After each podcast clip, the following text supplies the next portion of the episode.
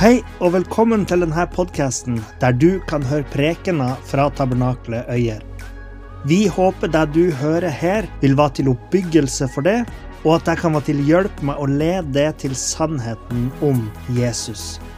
Hvis du ønsker å finne ut mer om oss, kan du gå inn på hjemmesida vår på tabernakletoyer.no.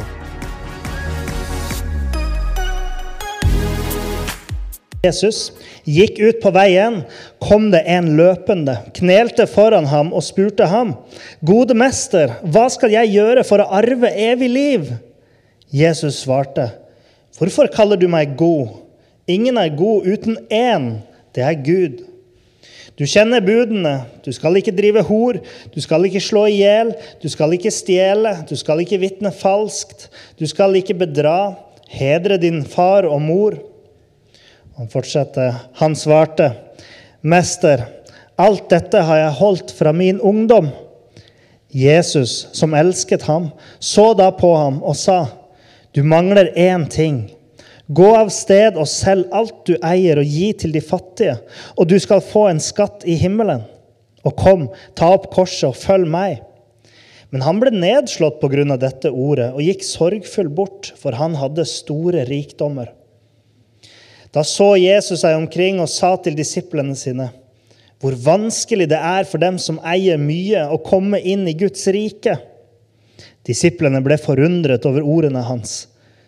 Men Jesus tok igjen til orde og sa til dem.: Barn, hvor vanskelig det er for dem som stoler på rikdommer, å komme inn i Guds rike. Det er lettere for en kamel å gå gjennom et nåløye enn for en rik å komme inn i Guds rike. De ble svært forundret og sa til hverandre, Hvem kan da bli frelst? Men Jesus så på dem og sa, For mennesker er det umulig, men ikke for Gud. For alt er mulig for Gud. Da begynte Peter å tale til ham. Se, vi har forlatt alt og fulgt deg. Da svarte Jesus, Sannelig jeg, sier jeg dere, det er ingen som har forlatt hus eller brødre eller søstre eller far eller mor eller kone eller barn eller åkrer for min skyld og evangeliets skyld, som ikke skal få hundrefold igjen.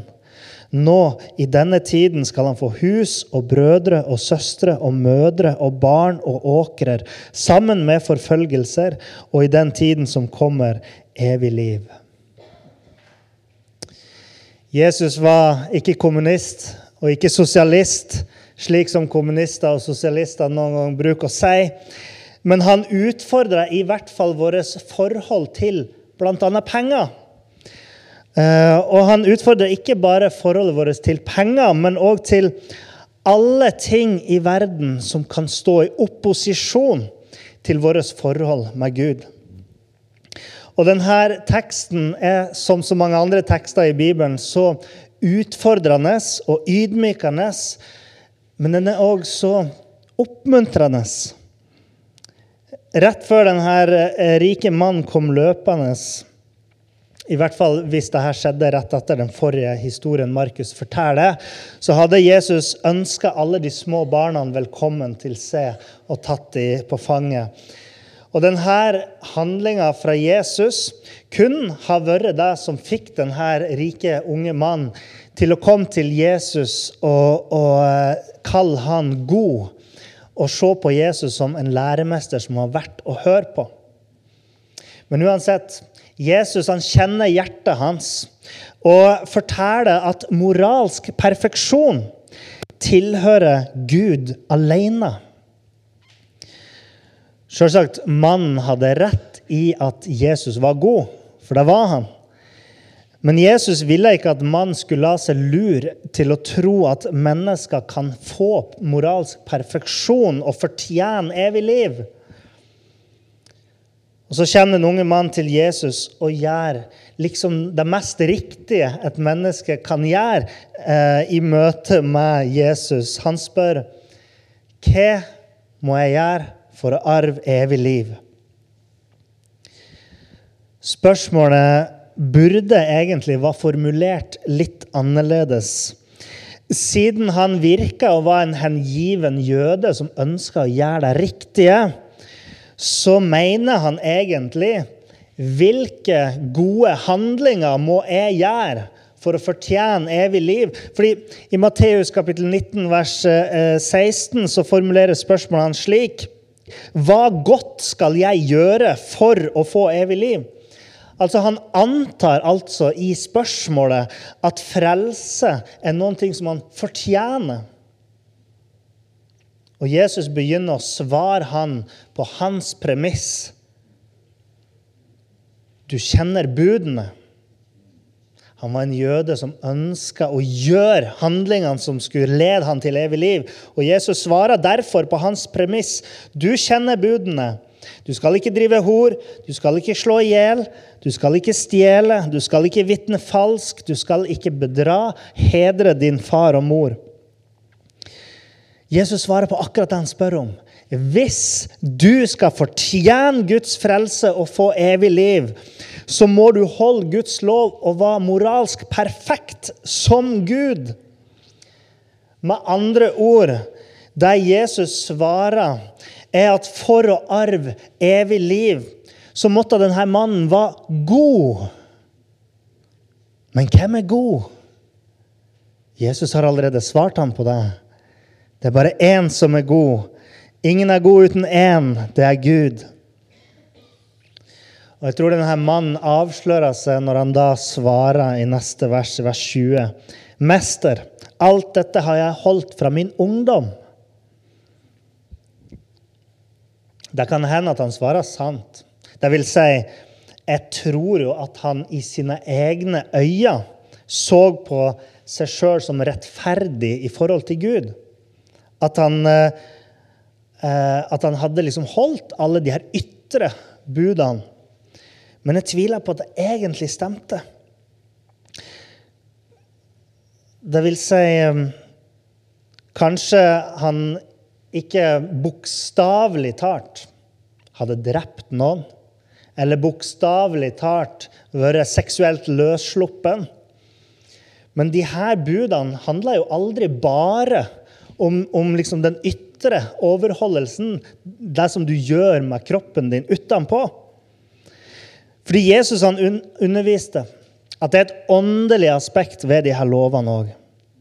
Han sa bl.a. i Matteus kapittel 5, vers 21 og 22.: Dere har hørt at jeg har sagt til fedrene, du skal ikke slå i hjel, og den som slår i hjel, blir skyldig for dommen. Men jeg sier dere at den som blir sint på sin bror uten grunn, blir skyldig for dommen. Og den som sier til sin bror 'tomskalle', skal bli skyldig for rådet. Den som sier 'din tufs', skal bli skyldig til helvetes ild. Og så sa han videre i vers 27-28.: Dere har hørt det jeg har sagt til fedrene, du skal ikke drive hor. Men jeg sier dere, den som ser på en kvinne med begjær, har allerede drevet hor med henne i sitt hjerte. Hadde denne mannen virkelig aldri blitt urettmessig sint på et annet menneske? Hadde han virkelig aldri sett på ei kvinne som, liksom, som han ikke var sammen med, med begjær i blikket? Kanskje han hadde overholdt lovene ytre sett, men var hjertet hans på riktig sted? Jeg tror ikke det. Og Det sier jeg fordi det står videre Jesus, som elsket ham, så da på ham og sa, du mangler én ting. Gå av sted og selg alt du eier, og gi til de fattige, og du skal få en skatt i himmelen. Kom, ta opp korset og følg meg. Det er jo sånn med Gud at Gud han ser ikke på det ytre, hvor glamorøse vi fremstår. Men han ser til hjertet, inn i våre sjel. Og jeg tror det er akkurat det Jesus gjør her. Han eh, kommer ikke med et nytt bud som skal gjelde for alle mennesker, som om alle kristne er kalt til å selge alt de eier, og gi til de fattige. Eh, men han tester den unge mannen ved å gi han nok et um, Nei, altså Han, han tester den unge mannen ved å gi han et nytt bud som egentlig òg representerer noe inni han, som representerer hvor hjertet hans er. Jesus tester hans karakter. Jesus tester hans hjerte. Jesus tester hans kjærlighet. Jeg skal ikke legge ord i Jesu munn, men jeg tror at implisitt er det Jesus eh, eh, spør om. Elsker du Gud nok til å legge fra deg de tingene som betyr mest for deg her og nå? Er du villig til å ofre av deg sjøl for å følge med? Men det var han ikke. Det står videre han ble nedslått på grunn av dette ordet og gikk sorgfull bort, for han hadde store rikdommer. Hvis prisen var å sette andre framfor seg sjøl eh, og de tingene han begjærte, så var det ikke verdt det. Da kunne det bare være. Ved å gjøre det her, så brøt han da to av de største budene som hele loven hviler på. Du skal elske din Gud av hele ditt hjerte, og du skal elske din neste som deg sjøl. På en veldig illustrerende måte så står denne unge, rike mannen som en slags representant for oss, for alle mennesker, framfor Jesus. Det vil si, han stiller et spørsmål som vi alle mennesker burde stille Jesus. Og når han gjør det, så blir han avslørt som en utilstrekkelig synder. Og han responderer eh, på det Jesus sier, slik noen mennesker gjør, ved å vende ryggen til Jesus. Jeg tror i hvert fall eh, at det er det veldig mange mennesker ønsker eh, å gjøre, å vende ryggen til han. Det er langt ifra alle mennesker som ønsker og følge Jesus. Og De ønsker ikke engang å høre at Jesus sier til dem at du i deg sjøl er ikke god nok for å komme inn i himmelen. Men hvis du gjør som jeg sier, følger med og elsker med og elsker Gud, så kan du få komme inn. Noen mennesker vil si hvis Gud er sånn Kanskje det var der den unge mannen tenkte. Hvis du er sånn, Jesus, hvis Gud er sånn, så vil jeg ikke ha noe med det å gjøre. Og jeg har hørt det fra mange, lest det fra folk som skriver det. Hvis du sier at Gud er sånn, og at den, han, Guds karakter er på den og den måten, så vil jeg ikke ha noe med han å gjøre. Man kan si til dem, men vet du ikke at, at Jesus han sa sånn og sånn og sånn, og du konfronterer eh, mennesker med det som står i Bibelen, så svarer de Vel, det er kanskje din tolkning, men jeg føler ikke at Gud er sånn. Og så går de sin vei fordi de elsker Gud, eh, elsker seg sjøl mer enn Gud. Akkurat som den rike mannen.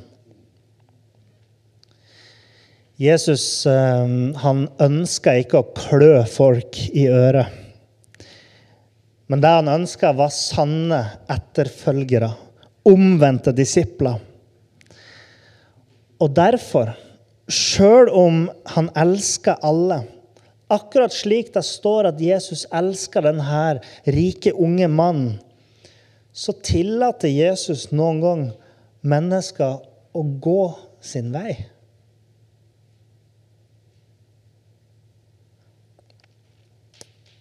Jesus han ser når mennesker i sitt hjerte ikke elsker Gud. Jesus så i hjertet til denne mannen at han var ikke villig til å vende om. Og Jesus gikk rett til kjernen med kirurgisk presisjon til det som var problemet i livet til denne mannen, hans grådighet. Og hans grådighet avslørte at mannen ikke ikke var villig til å følge Jesus, og at han ikke elska Jesus.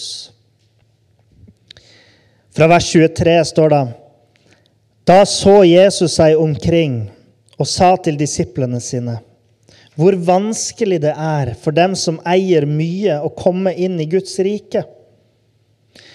Disiplene ble forundret over ordene hans, men Jesus tok igjen til orde og sa til dem, Barn, hvor vanskelig det er for dem som stoler på rikdommer, å komme inn i Guds rike.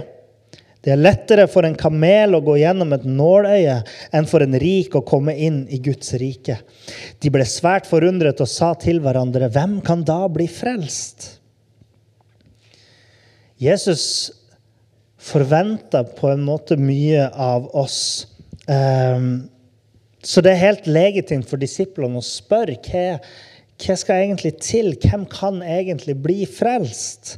For det er jo regelrett umulig for oss mennesker å leve opp til Guds standard.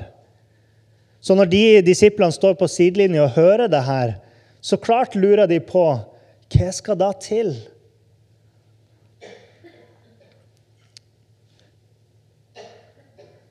Jesus så på dem og sa, 'For mennesker er det umulig, men ikke for Gud.' For alt er mulig for Gud. Det er umulig for mennesker å på egen hånd fortjene evig liv. Men Gud kan sørge for en vei. Vet dere hva den veien heter? Jesus. Jesus er den veien Paulus skrev i Efeserne kapittel 2, vers 8 og 9. For av nåde er dere frelst ved troen, og det er ikke av dere selv, det er Guds gave. Ikke av gjerninger, for at ingen skal rose seg. Jesus levde det perfekte liv og døde for dine synder. Når du tror på Han, så kan du ta imot gaven som er evig liv, ved at Han da rettferdiggjør seg gjennom det livet han levde, der han oppfylte Guds lov. Og så tar han dine synder på seg og bærer de. Nåden er at vi kan bli tilgitt for det onde som vi har gjort, ved å sette vår tillit til Jesus. Er ikke det fint? Um, når Jesus hadde sagt alt det her, så ville Peter forsikre seg om at det han sa, gjaldt de. At det ville være mulig for de å bli frelst. Da begynte Peter å tale til ham, står det i vers 28. Se, vi har forlatt alt og fulgt deg. Det var mange som hadde gjort det den rike unge mannen ikke ville gjøre. Til og med rike tollere, sånn som Matteus, nei, Sakkeus Jo, Matteus òg var vel en toller, tror jeg. Men eh, sånn som Sakkeus Han eh, var villig til å gi tilbake mer enn det han skyldte til andre mennesker. Og gi penger fra seg for Jesus skyld, for evangeliets skyld, for Guds rikes skyld. Det var mange som hadde gjort det den rike unge mannen ikke ville gjøre. Så det var ikke umulig. Så lenge man elsker Jesus, så kan man ta imot det Gud vil gjøre nemlig å gi oss evig liv. Og her så kommer Jesus endelig til poenget. Da svarte Jesus i vers 29.: Sannelig sier jeg dere, det er ingen som har forlatt hus eller brødre eller søstre eller far eller mor eller kone eller barn eller åkre for min skyld og evangeliets skyld, som ikke skal få hundrefold igjen. Nå, i denne tid, skal han få hus og brødre og søstre og mødre og barn og åkrer, sammen med forfølgelser. Og i den tiden som kommer, evig liv. Å få evig liv handler ikke om å følge alle budene i Moseloven. Det gjøres ikke ved å gi alt man eier, til de fattige for å sjøl leve i fattigdom. Det gjøres ikke ved å forlate familien sin og forlate heimen eh, sin. Du blir ikke frelst ved å skille deg fra mannen din eller fra kona di. Peter og flere av apostlene hadde f.eks. med seg konene sine når de reiste rundt. Du blir ikke frelst ved at du ikke stiller opp for barna dine. Du blir ikke frelst ved at du ikke stiller opp for de aldrende foreldrene dine. Historien om, om denne rike unge mannen handler aldri om de ytre eh, rettferdige eh, handlingene eh, eller pengene som han eide, men det handler om hjertet hans. Det handler om prioriteringene hans. Det handler om lojaliteten hans, det handler om kjærligheten hans til Gud. Det handler om villigheten hans til å ofre for Guds skyld. Å være rik skader ikke nødvendigvis noen. Det er flere personer i Bibelen som er rike, og som blir velsigna av Gud på spesielle måter, og, og, blir ikke fordømt fordi de er rike. Men han ville heller være rik her og nå enn å ha evig liv og være rik i himmelen. Så det Jesus kommer inn på her, er at en sann disippel vil aldri sette noe som helst framfor Gud, sjøl ikke de sterkeste menneskelige relasjoner. Fordi alle objekt som vi retter vår kjærlighet og begjær og hengivenhet mot, kan potensielt bli våre avguder. Objekt for vår tilbedelse. Hvis vi verdsetter de mer enn Gud. Husk på historien om Abraham, som var villig til å ofre sin egen sønn fordi Gud hadde spurt ham om å gjøre det. Det var aldri Guds plan at Abraham skulle gjennomføre det. Men Gud satte ham på det som må, var den ultimate testen for en far. Å gi opp sitt barn for Guds skyld. Det er jo utfordrende, men sannheten er at til og med i dag så finnes det mennesker som blir utstøtt og forfulgt av sine egne familier fordi de tror på Jesus. I mange land i verden så kan du risikere at din egen familie vil ta ditt liv hvis du har gitt deg til Jesus. Det finnes mennesker i dag som vil forlate sitt hjem for evangeliets skyld. Men det er også viktig for deg å forstå at Jesus ber deg ikke om å slutte å søke gode liv som er i tråd med Guds vilje. Jesus sitt poeng er ikke at uh, siden det bare er Gud som kan frelse det, så kan du like gjerne lyge og stjele og leve i seksuell umoral. Paulus han stiller spørsmålet i Romerbrevet 6, vers, ja, 6, vers 1 og 2. Skal vi fortsette i synden for at nåden kan bli desto større? Slett ikke. Jesus ber det ikke å leve i fattigdom uten venner, uten familie, uten hus og heim. Og åker. For dere som har åker. Men utfordringa er er du villig til å tro at Gud alene kan gi deg evig liv? Og er du villig til å sette hva enn det skulle være, til side for Jesus skyld?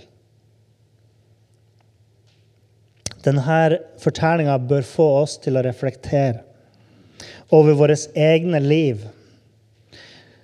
Er det noen ting Jeg skal stille et spørsmål. Er det noen ting som du ikke hadde vært villig til å gi opp for Jesus skyld? Skal vi begynne med det, Olav? Kan du svare? Nei, jeg skal til det.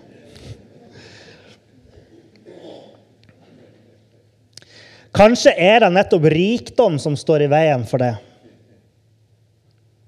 Eller kanskje det er din seksualitet. Og kanskje vil du si ja, men rikdommen min skader jo ingen. Eller kanskje du vil si ja, men min seksualitet, å leve ut den, skader jo ingen. Kanskje er det jobben din, hjemmet ditt. Kanskje er du fanga av pornografi. Hva vet vel jeg? Men hadde Jesus vært her i dag, og du hadde tatt den samtalen med han, så vil han sette rett inn i ditt hjerte og sett om du virkelig ønsker å være trofast og lojal mot han, eller om du egentlig elsker verden mer. Og han ville ha satt fingeren på akkurat det som du elsker høyest. Jesus sa i Markus kapittel 8, vers 34-38. Den som vil komme etter meg, må fornekte seg selv og ta sitt kors opp og følge meg. For den som søker å berge sitt liv, skal miste det. Men den som mister sitt liv for min skyld og evangeliets skyld, skal berge det. For hva gagn er det for et menneske om man vinner hele verden, men taper sin sjel? Eller hva kan et menneske gi i bytte for sin sjel? For den som skammer seg over meg og mine ord i denne troløse og syndige slekt, Ham skal også menneskesønnen skamme seg over når han kommer i sin fars herlighet med de hellige englene. Og var villig til å ofre alt for Jesus kan være utrolig vanskelig og smertefullt, til og med. Det var derfor den rike unge mannen gikk sorgfull og nedbrutt bort ifra Jesus. Men det uunngåelige spørsmålet som møter oss i denne teksten, og som alle må ta stilling til, er det enkle spørsmålet hvem, hva vil du ha? Verden eller Gud? Pengene dine eller evig liv?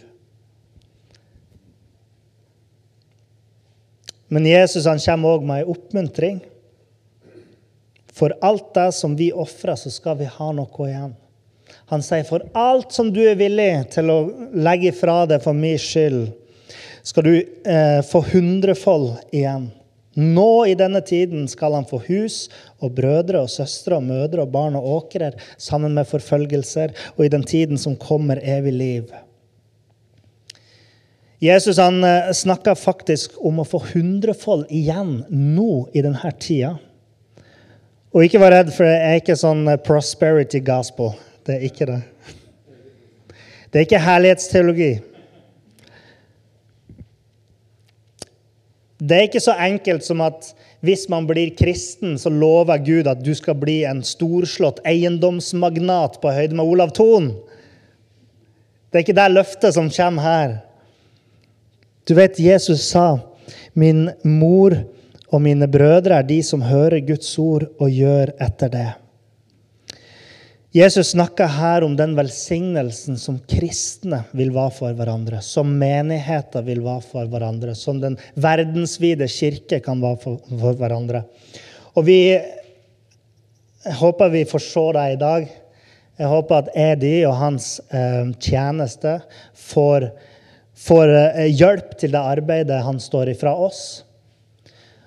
Og når han gjør det, så eksemplifiserer vi det som Jesus snakker om her. At vi skal få hundrefold igjen. Vi har hverandre, vi har menigheter. Vi har det kristne fellesskapets omsorg for hverandre. Eh, og Jesus snakker også indirekte derfor om menighetens ansvar for hverandre. Eh, men det er velsignelsen ved å ha denne, det her omsorgsfellesskapet. Det er velsignelsen ved å kunne få økonomisk bistand. Det er velsignelsen i det å få åndelig bistand og åndelig eh, fellesskap vi får igjen. Ikke personlig rikdom. Du blir ikke rik av å være kristen. Kanskje ofte tvert imot. I hvert fall økonomisk sett, men ikke åndelig sett. Og Vi kan f.eks. se etter pinsedag og den sterke vekkelsen som brøt ut der, hvordan de delte det de hadde med hverandre. Så det er ikke snakk om at du kommer til å bli mangemillionær. Og det betyr heller ikke at du må bli kommunist og gi avkall på alt du eier, og på, på privat eiendomsrett. Men det betyr at man får ta del i et fellesskap som er større eh, enn enhver familie som skal ta seg av hverandre. Åndelige mødre, fedre, søstre og brødre. Og sammen med de her velsignelsene så vil vi òg møte motstand og forfølgelser, sier Jesus.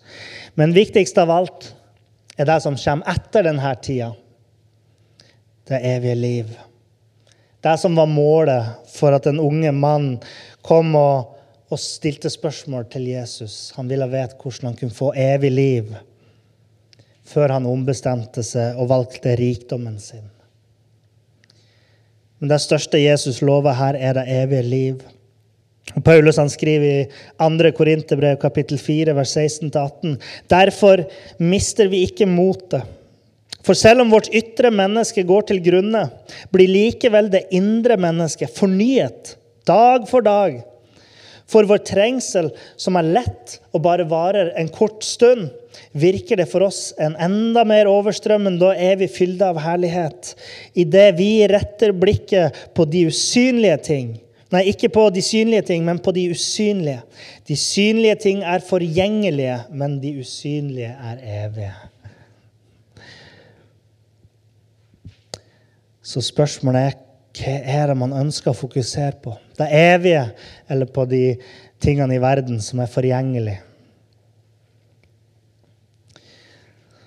Så poengene mine i dag er for det første ikke prøv å frelse deg sjøl ved å være et godt menneske. Du blir ikke frelst pga. de gode tingene du har gjort, men pga. det gode Jesus har gjort for deg.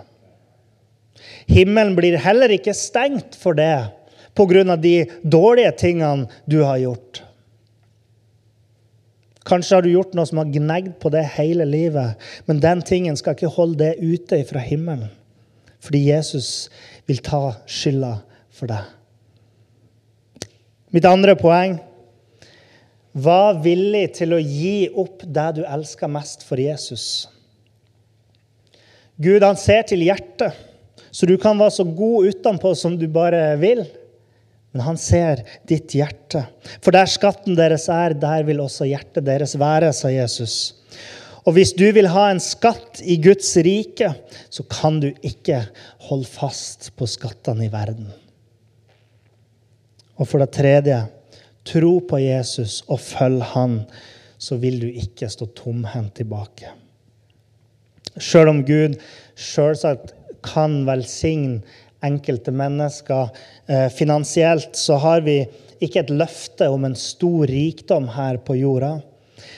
Men skatten vi får her og nå, er en åndelig familie som kan stå sammen og hjelpe hverandre gjennom det livet vi lever for Jesus.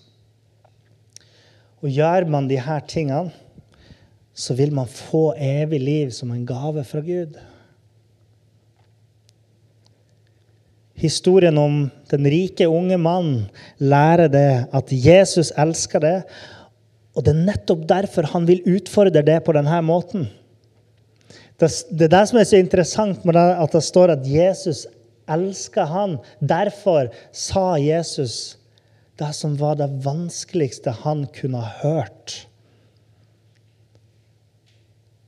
Jesus utfordrer han med sannheten gjennom et spørsmål som avslørte sannheten om denne mannen sitt hjerte. Og Det er derfor Jesus vil utfordre oss på denne måten. Han vil utfordre det på denne måten. Men han spør deg er du villig til å følge med. Han vil at du skal vite veien til det evige liv. Og du kan velge å stole på han, at Jesus er veien, sannheten og livet. Eller du kan velge å stole på deg sjøl og gå din egen vei. Ved å fortelle det, hva etterfølgelsen av han vil koste, hva som skal til, så har han faktisk òg åpna muligheten for det til å være det rette. Men det er ingen middelvei. Du må ta et valg, og jeg håper at du vil velge livet.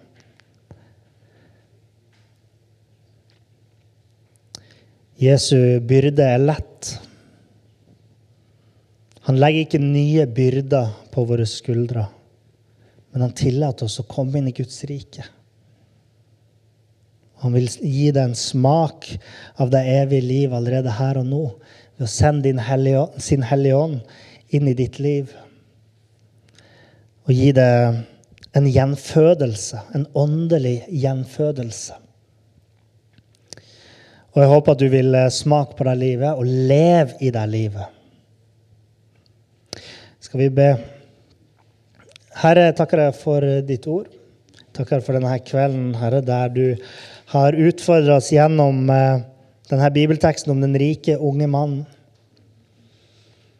Far, du ser hver enkelt og våre problemer, utfordringer, fristelser, begjær. Malplassert kjærlighet, Herre. Du ser rett inn i hjertet til oss, hver enkelt av oss. Og Herre, må du bare vise oss hvor vi trenger en reformasjon i hjertet. Til å gå med det dag for dag.